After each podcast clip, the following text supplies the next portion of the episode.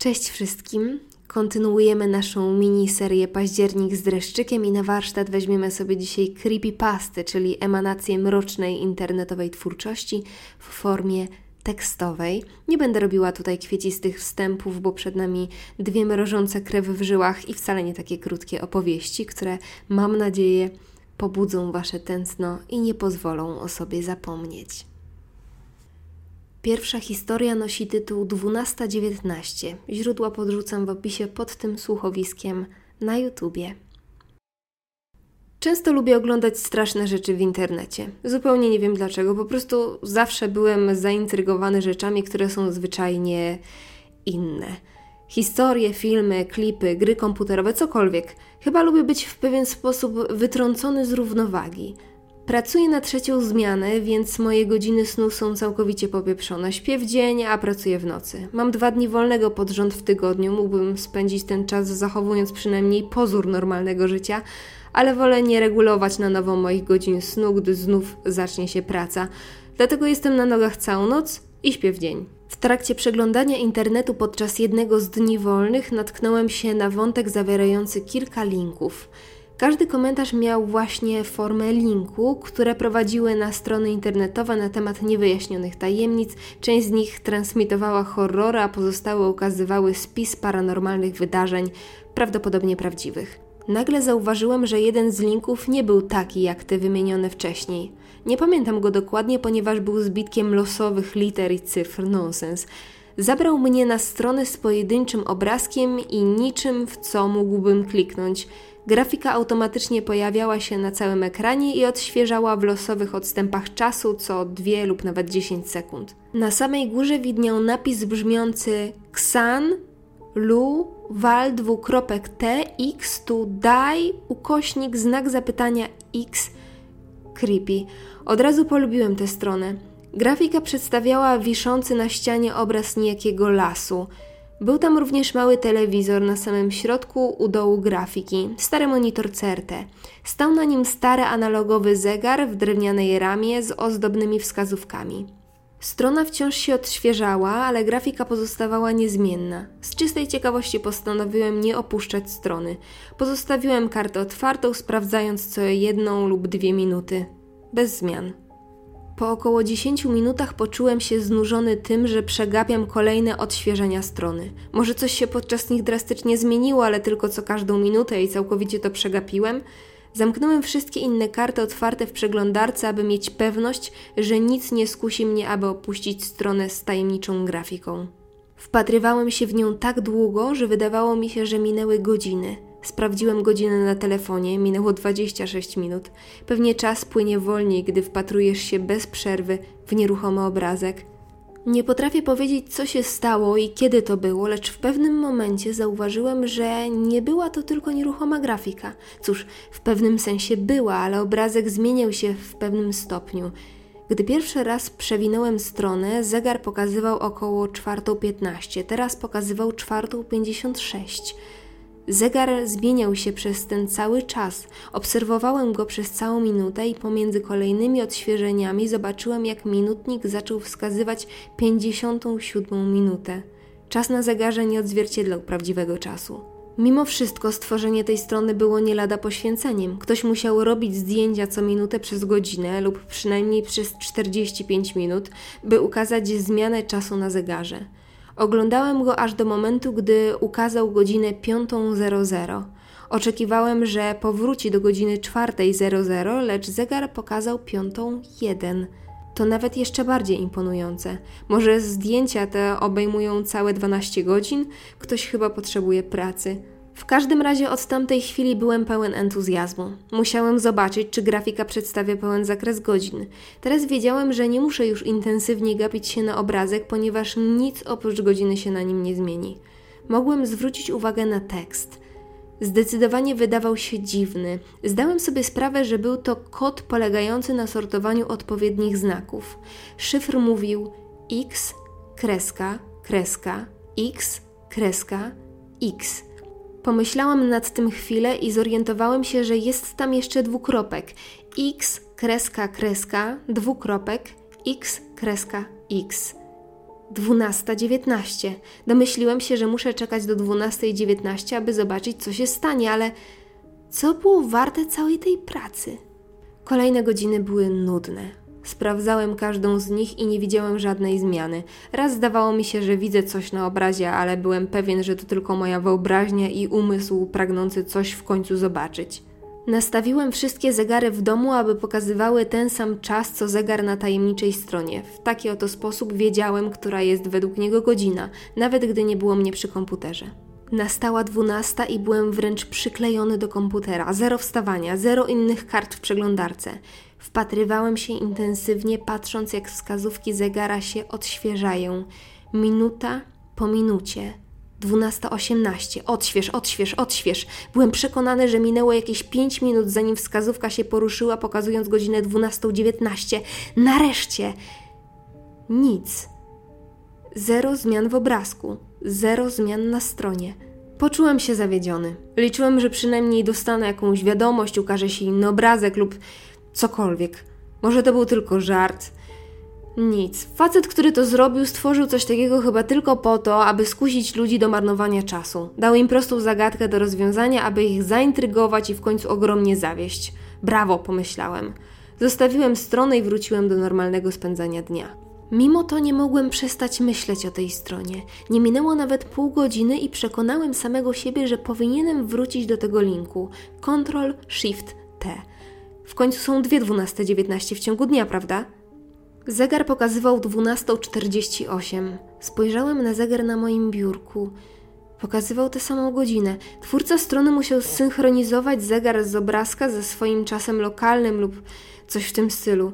Miałem przed sobą około 12 godzin czekania. Mogłem zostać na nogach całą noc, w końcu noc jest dla mnie, a dzień dla większości normalnych ludzi, ale nie chciałem popaść w obłęd, więc poszedłem spać.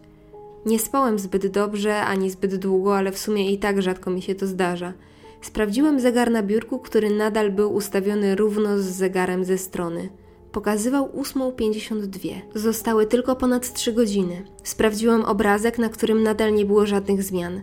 Porobiłem trochę rzeczy w domu, przejrzałem internet dla zabicia czasu. Tak szybko jak wybiła dwunasta, znalazłem się usadowiony sztywno naprzeciwko ekranu mojego komputera. Myślałem, że kolejne 18 minut mnie zmęczy. Ostatnia minuta była najgorsza. Wskazówki zegara znowu pokazały 12.19 i po raz kolejny nic się nie stało. Byłem zrozpaczony. Poświęciłem na to mnóstwo czasu. Minuta jednak się jeszcze nie skończyła, więc patrzyłem dalej. Wtedy usłyszałem kliknięcie, ciche lecz słyszalne. Potem zauważyłem, że strona nie odświeżała się już bez przerwy. Ekran telewizora przestawiony na zegarek zaczął jaśnieć. Byłem w stanie ujrzeć tam obrazek. Był mały, ponieważ ekran telewizora na moim monitorze był szeroki na jakieś dwa cale. Mimo wszystko mogłem bez problemu zobaczyć, że przedstawia las. Może był to las pokazywany na obrazie nad telewizorem? Kamera kiwała się w górę i w dół. Ktoś musiał nagrać samego siebie podczas spaceru w lesie. Kamera była skierowana w ziemię przez pierwszą minutę nagrania, ale potem zaczęła powoli pokazywać obraz bardziej poziomo. Byłem w stanie określić, że operator kamery wchodzi na teren jakiegoś podwórza. Na brzegach kadru pojawiło się szybko kilka domów. Było tam paru ludzi mówiących w innym języku, nie potrafiłem jednak określić w jakim. Usłyszałem trzaski i huki, jakby ktoś robił coś z ekwipunkiem. Kamera robiła dużo większe ruchy niż wcześniej. Gdy dźwięk ustał, a obraz stał się bardziej stabilny, zrozumiałem, że ktoś przymocował kamerę na statywie. Gdy ją ustawiono, usłyszałem strzępki rozmów i wtedy kamera zrobiła ostateczny zwrot. Podczas tego zwrotu zobaczyłem, że miejscem akcji jest las. Kamera przestała się w końcu trząść, a w kadrze na samym środku stał dom. Ze względu na to, jak mały był, mogłem stwierdzić, że. że to był mój dom. Skoczyłem jak oparzony, cały czas wpatrując się w ekran komputera. Mężczyzna zostawił kamerę i podszedł do domu. Podszedł do mojego domu, gdzie był jego towarzysz. Stali przed drzwiami jakieś 20 sekund, które wydawały mi się trwać w nieskończoność. Nie wiedziałem, co robić. Nie wiedziałem, czy, czy w ogóle jest cokolwiek, co mógłbym zrobić. Zapukali. Usłyszałem to słabo przez słuchawki, nie usłyszałem jednak pukania do moich drzwi. Fakt, że nie usłyszałem pukania w moim domu, uspokoił mnie na tyle, by sprawdzić, czy ktoś jest na zewnątrz. Nikogo nie było. Nie widziałem nikogo blisko domu, ale nie mogłem zobaczyć nic w odległości większej niż kilkanaście metrów. Było ciemno, księżyc nie świecił wystarczająco jasno, żeby się dokładnie rozejrzeć. Zamknąłem drzwi i przekręciłem klucz. Pobiegłem do komputera. Ekran wciąż pokazywał dwóch mężczyzn stojących przed domem. Zapukali znowu. Tym razem mocniej. Patrzyłem, jak drzwi się otwierają. Na pukanie odpowiedział mężczyzna. Nie mogłem go dokładnie zobaczyć. Częściowo podejrzewałem, że to ja. Ulżyło mi, ponieważ okazało się, że owy mężczyzna nie jest mną. Ja mam brązowe włosa, facet, który otworzył drzwi, był rudy.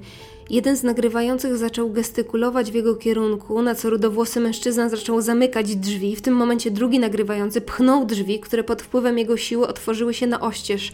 Przyłożył do głowy rudego mężczyzny pistolet, który trzymał przy pasku spodni i strzelił. Poczułem, jak krew odpływa mi z twarzy, a szczęka opada. Pociemniało mi w oczach, ale zmusiłem się do zachowania spokoju. Dwóch mężczyzn uciekało od drzwi w kierunku kamery, mimo małego ekranu telewizora na moim monitorze i niewyraźnego obrazu spowodowanego szybkim ruchem kamery, i tak mogłem dostrzec ich szerokie uśmiechy. Chwycili za sprzęt, nie zawracając sobie głowy demontażem, i wbiegli do lasu. Kamera obróciła się na statywie i pokazała twarz jednego z mężczyzn. Niestety obraz był zbyt zamazany, abym mógł się mu przyjrzeć. Spojrzał w kamerę, sięgnął do niej drugą ręką i ekran telewizora stał się pusty. Strona odświeżyła się znowu, ale tylko raz. Zegar nadal pokazywał godzinę 12.19. Wyłączyłem przeglądarkę, a zaraz potem komputer. Pobiegłem do drzwi jeszcze raz, żeby sprawdzić, czy niczego tam nie widać, tak jak poprzednim razem nikogo tam nie było. Do dzisiejszego dnia nie mam pojęcia, co się właściwie zdarzyło. Nie odważyłem się odwiedzić tej strony ponownie, ani zapytać kogokolwiek o to, co stało się z ludźmi, którzy mieszkali tu przede mną i nie sądzę, abym kiedykolwiek się odważył. Kolejna pasta nosi tytuł Farma McDonalda i według mnie jest to jedna z takich najbardziej klasycznych creepypast, przynajmniej w moim rozumieniu tego terminu. Postanowiłam usunąć z niej najbrutalniejsze opisy w trosce o tę wrażliwszą część y, moich odbiorców, bo wiem, że tacy również tutaj się znajdują, ale w taki sposób mam nadzieję, żeby nie naruszyć klimatu grozy i mam też nadzieję, że nie macie mi tego za złe. Jeżeli jesteście zainteresowani nieco bardziej mm, soczystą, oryginalną wersją, to odsyłam do linku pod tym słuchowiskiem na YouTube. W 1994 roku mój brat Josh pracował jako technik dla dużej firmy telekomunikacyjnej. Jego praca polegała na dwóch rzeczach: ustawianiu nowych linii oraz na znajdowaniu i rozwiązywaniu problemów ze starymi przewodami. Jego oddział znajdował się w małym miasteczku, lecz większość czasu spędzał on na obsługiwaniu farmerów z okolicznych wsi. Wszelkie usterki były zazwyczaj ciężkie do znalezienia, ale łatwe do naprawienia. Josh musiał czasem przejść i z kilometr polnymi drogami, żeby odnaleźć uszkodzony kabel, a potem naprawić go w mniej niż 10 minut. Jedno z wezwań miało miejsce w sierpniu 1994 roku. Zaprowadziło go ono na dużą rodzinną farmę. Dzwoniła dziewczyna imieniem Casey z domu sąsiadów, informując, że telefon w jej rodzinnym gospodarstwie przestał działać. Josh pojechał tam następnego dnia. Nie wiem do końca jak to jest zrobione, ale kiedyś Josh opowiadał mi, że kable telefoniczne są zakopane razem z kanalizacją w specjalnych rurkach. W miejscach, gdzie nie było to możliwe, szły one przez słupy energetyczne. Wyjątek stanowiły odludzia, gdzie nie wszystkie domy były podłączone do sieci energetycznej. Tam puszczano kable wzdłuż drogi w zwykłej plastikowej izolacji. Kiedy Josh zostawał wezwany, winne były głównie kable. A to rolnik przypadkiem przejechał jakimś pługiem, a to zwierzę rozdarło przewód, a to znudzony dzieciak postanowił się zabawić. Josh nawet lubił tę pracę. Nie miał nic przeciwko wolnej jeździe wiejskimi szosami i zatrzymywaniu się co kilka metrów, żeby sprawdzić potencjalne usterki. Farma McDonalda była łatwym przypadkiem. Już podjeżdżając do ich domu zauważył rozerwany przewód. Czyste cięcie. Jeden z końców został wyciągnięty z ziemi na kilka metrów. Musiała to być jakaś maszyna rolnicza, zwykły wypadek, spowodowany może nawet przez samego McDonalda. Josh miał przy sobie wszystkie niezbędne narzędzia. Naprawił kabel w mniej niż pół godziny. Pojechał na farmę poinformować rodzinę, że telefon został naprawiony. Na farmę McDonaldów dojechał około godziny 16. Z daleka widział, że ciężka drewniana brama była otwarta, postanowił wjechać. Kiedy wjechał, okazało się, że na końcu podjazdu, niedaleko od domu, leży krowa. Częsty widok. Zatrąbił, żeby przepędzić mućkę, ale ta ani drgnęła. Podjechał bliżej, znowu zatrąbił i zaczął gazować silnikiem, ale również nie dało to efektu. Postanowił wysiąść z auta. Miał świadomość, że jeżeli krowa była chora albo wkurzona, mogła go zaatakować bez ostrzeżenia. Wziął więc ze sobą swoje narzędzia. Powoli podszedł do krowy. Dopiero wtedy dwa kroki od samochodu dostrzegł, że wokół zwierzęcia znajduje się kałuża ciemnobrązowej, zaschniętej krwi. Zwierzę leżało skierowane głową w przeciwną stronę do Josha. Zobaczył on duże cięcie na gardle krowy oraz trzy mniejsze na jej nabrzmiałym brzuchu. Josh poczuł niepokój, ale nie był poważnie zdenerwowany. Czasami farmerzy musieli zabić krowę w ciąży, kiedy poród był zbyt skomplikowany, a pozbycie się krowiego cielska nie jest łatwe. Czasami na jego odbiór przez specjalistę trzeba było czekać kilka dni. Zatkał nos ręką i pomaszerował obok krowy w stronę domu. Po jego prawej stronie widać było pastwisko. Kilka krów stało, reszta leżała i prawdopodobnie żuły sobie trawkę. Po lewej zaś znajdowało się pole kukurydzy, które spowodowało, że niepokój Josha tylko wzrósł. Dotarł do drzwi domu, zadzwonił dzwonkiem. Nikt nie reagował. Zapukał i zawołał, bez odpowiedzi.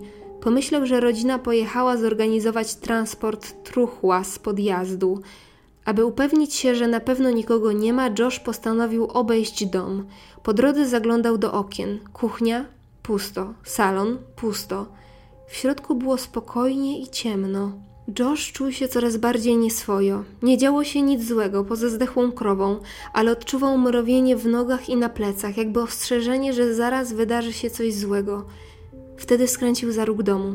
Josh widział tę scenę przez kilka sekund, ale mówi, że pamięta to do dziś z najdrobniejszymi szczegółami, niczym zdjęcie wypalone w mózgu. Wielki, martwy pies leżał na ganku. Obok psa leżały w nieładzie zmasakrowane ciała starszej pary. Ich oczy oraz usta zaszyte były grubą, czarną nicią.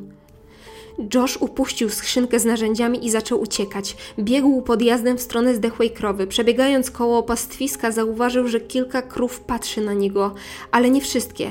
Dostrzegł to dopiero teraz. Te, które wcześniej leżały, wcale nie jadły trawy. Obok nich dostrzegł wielką, ciemną kałużę krwi.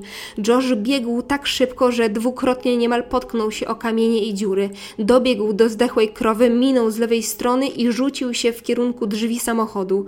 Spanikowany Josh szarpnął za klamkę od drzwi kierowcy. Krzyknął, kiedy poczuł, że cała pokryta jest gęstym, brązowo-czerwonym płynem. Otworzył, szybko spojrzał, czy nie ma nic w środku i wsiadł. Wcisnął gaz. Pod pedałem było coś mięsistego, coś niemalże eksplodowało, jakieś wnętrzności krowy. Spojrzał w dół, żeby zobaczyć co to i przez chwilę zauważył ruch na polu kukurydzy po lewej. Wrzucił wsteczny i wcisnął pedał przez ten cały mięsno-krwisty syf. Ruch na polu kukurydzy był coraz bliżej. Samochód cofnął, nagle skręcił, Josh ledwo uniknął wjechania do rowu. Zwolnił, żeby odzyskać kontrolę nad pojazdem. Zobaczył rozchylającą się kukurydzę. Przyspieszył. Wyjechał przez drewnianą bramę, wycofał, był na drodze. Na podjazd, kiedy wjeżdżał przez bramę, z pola kukurydzy wyłoniła się jakaś postać. Josh mógłby przysiąc, że wyglądała ona jak nastoletnia dziewczyna z ciemnymi włosami, pokryta od stóp do głów zaschniętą krwią. Josh przyspieszył. Pojechał prosto na posterunek policji. Okazało się, że pod pedałem gazu włożone było serce krowy. W artykułach, które opisywały to zdarzenie w gazetach, można było przeczytać, że McDonaldowie nie mieli żadnych dzieci. I na tym kończymy naszą dzisiejszą podróż do świata internetowej grozy. Mam nadzieję, że moje wybory przypadły Wam do gustu. Powiem Wam, że to wcale nie było takie łatwe zadanie, dlatego że tych creepypast, które ja uważam za godne uwagi, jest znacznie więcej. Być może creepypasty od czasu do czasu będą trafiały do naszego stałego repertuaru. Napiszcie koniecznie, co o tym myślicie. Słyszymy się już w najbliższy wtorek z nieco lżejszą treścią, a w kolejny piątek kontynuujemy październik z dreszczykiem. Tymczasem uciekam. Do usłyszenia. Całuję. Cześć.